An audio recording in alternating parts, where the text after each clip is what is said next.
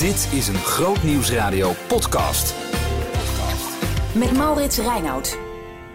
Welkom bij de podcast Preek van de Week. En dit keer uh, hoor je even niet wie de preek van de week gaat geven. Ja, je hebt het waarschijnlijk al gelezen, maar dat maakt niet uit. Um, deze preek is gegeven op een bijzondere dag, Wereld Lepra Dag. Op die dag wordt er op de hele wereld aandacht besteed aan een ziekte die al heel lang bestaat. Een ziekte die ook beschreven is in de Bijbel. Vandaag gaan we kijken naar hoe die ziekte wordt omschreven in de Bijbel en wat de reactie is van Jezus als hij een lepra-patiënt ontmoet. En ik zou je willen aanmoedigen om je door die reactie te laten inspireren. De Bijbellezing die daarbij hoort uh, komt uit Marcus 1, vers 40 tot en met 45. En uh, die wordt gelezen en de preek daar ook over wordt gegeven door voorganger en ambassadeur van Stichting Lepra-zending, Wieger Sikkema. En er kwam een melaatse naar hem, naar Jezus toe, die hem smeekte en voor hem op de knieën viel en tegen hem zei: Als u wilt, kunt u mij reinigen. En Jezus, innerlijk met ontferming bewogen, stak zijn hand uit, raakte hem aan en zei tegen hem: Ik wil het, word gereinigd. En toen hij dit gezegd had, week de melaatsheid van hem. En hij werd gereinigd. En nadat hij hem streng vermaand had, stuurde hij hem met één weg en zei tegen hem: Denk erom dat u tegen niemand iets zegt, maar ga heen, laat u zelf aan de priester zien en breng als offer voor uw reiniging wat Mozes voorgeschreven heeft, tot een getuigenis voor hen. Maar nadat hij weggegaan was, begon hij veel dingen te verkondigen en de zaak overal bekend te maken, zodat Jezus niet meer openlijk in de stad kon komen. Maar hij was buiten in de eenzame plaatsen en ze kwamen van alle kanten naar hem toe. Een poosje geleden stond onze dochter met een lekke band langs de snelweg. En ze belde en uh, ik reed naar haar toe. En uh, voorzichtig reden we naar een uh, dichtbij gelegen parkeerplaats. De band was zo plat dat ik gelijk zag dat de reserveband eronder moest. En dat is een moment waarop ik met mijn twee linkerhanden me gelijk wat hulpeloos en onzeker ga voelen. Tot mijn verbazing kwam er een vrachtwagenchauffeur die op dezelfde parkeerplaats stond naar me toe. Hij zei: Kan ik helpen? En samen hadden we in een mum van tijd de band gewisseld en konden wij onze weg naar huis weer vervolgen. Het genootschap Onze Taal uh, constateerde een poos geleden dat er in onze taal een hiaat zat als het gaat om dit soort ontmoetingen. En het genootschap kondigde een prijsvraag af om een woord te vinden dat de lading van zo'n ontmoeting dekt. Het woord dat daaruit kwam en dat de prijsvraag won was warmhartigheid. Warmhartigheid. Een woord dat je dus mag gebruiken als twee mensen die elkaar niet kennen, naar elkaar omkijken en er een voelbare band ontstond. En ik kan je vertellen, op die parkeerplaats was dat zo. Ik had de man wel willen zoenen. Nu is het natuurlijk zo dat de Bijbel er al lang taal voor heeft voor dat soort dingen. In de Bijbel komen we het woord barmhartigheid tegen, wat eigenlijk precies hetzelfde wil uitdrukken. Letterlijk betekent dat hart voor de armen hebben. Hart hebben voor mensen die hulpeloos zijn, die onzeker zijn, net als ik op dat moment.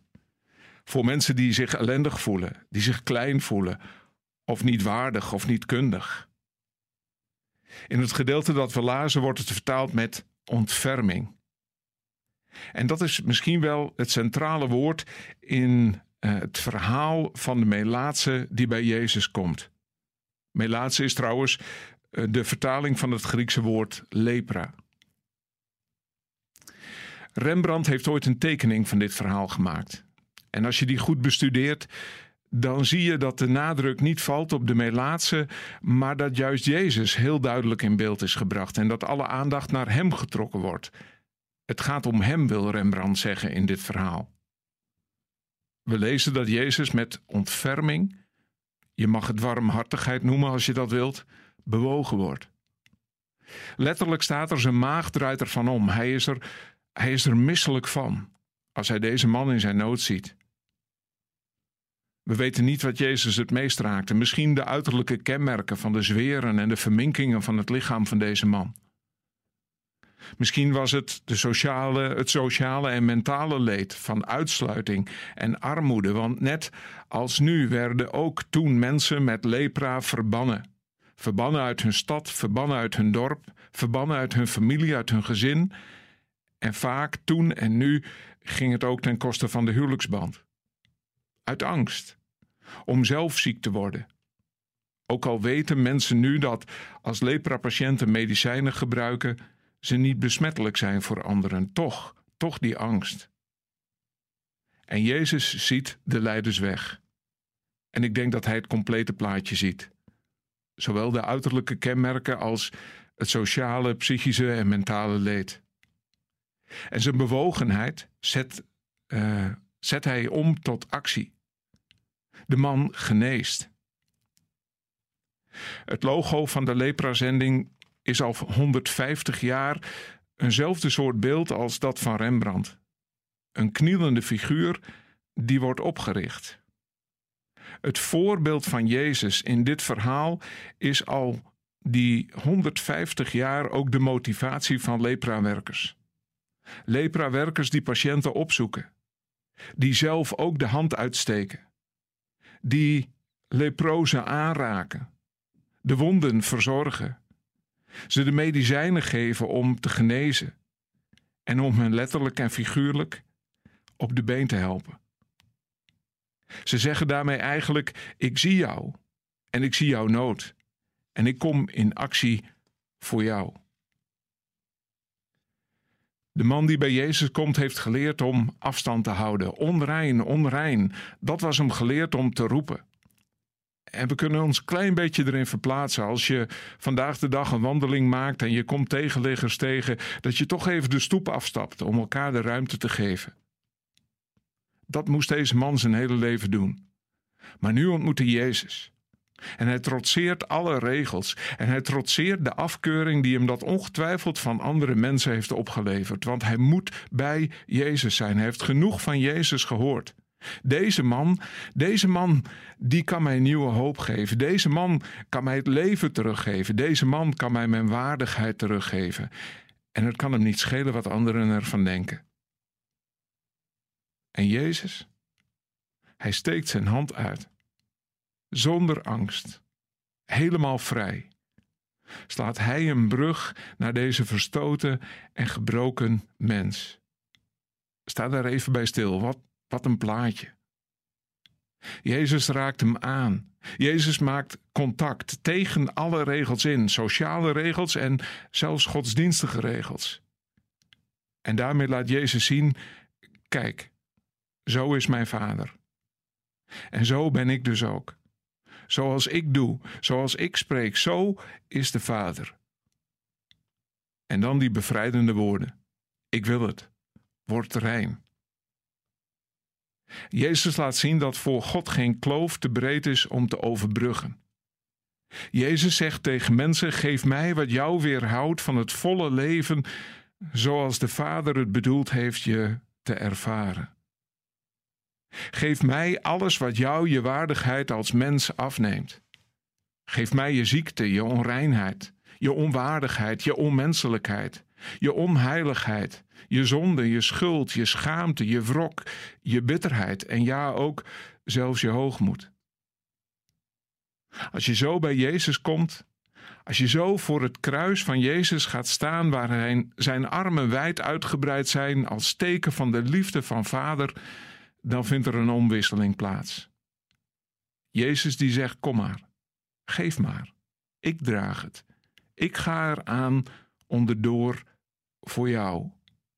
Ik ga eraan onderdoor alles wat jou van de Vader en van het leven dat Hij voor jou bedoeld heeft vandaan houdt. En al die ellende krijg je niet terug. Maar als je mij jouw ellende geeft, dan geeft Vader jou daar het goede voor terug. Jezus ziet deze man. Maar Jezus ziet ook mij. En Jezus ziet jou. En hij kent de nood. Hij schaamt zich niet om zijn hand naar jou uit te steken. Ook al kost hem dat misschien afkeuring. En ook al is het misschien tegen welke regel dan ook. Hoe onwaardig andere mensen jou misschien mogen vinden. Of hoe onwaardig jij jezelf misschien mag vinden. Jezus zegt: Jij, jij hoort radicaal thuis in vaders koninkrijk, in vaders familie. Jezus offert zijn waardigheid en zijn leven op om ze jou te geven. Dat is het hart van het evangelie. Dat is het hart van de God waarin we geloven. En dat is wat mensen ook werkelijk in beweging zet. Zelfs mensen die dat misschien zelf niet eens zo zouden benoemen. Ik moest even denken aan Navalny, de oppositieleider in Rusland. Die een beeld van Jezus laat zien door dwars tegen de dreiging in terug te gaan. En de mensen op te roepen: wees niet bang. Het gaat om jouw vrijheid. En zijn eigen vrijheid opgeeft. Ik dacht even aan al die zorghelden.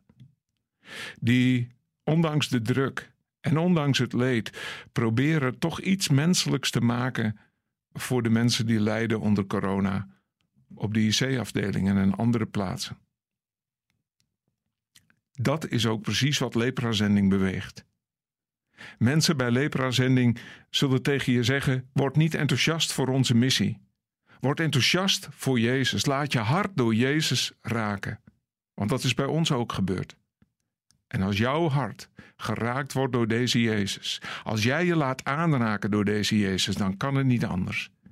Dan zul je met Hem je hand gaan uitsteken naar andere mensen om je heen. Hoe onwaardig ze in ogen van mensen misschien ook mogen zijn, omdat jij weet, voor Vader is elk mens waardig genoeg om aangeraakt te worden. Amen.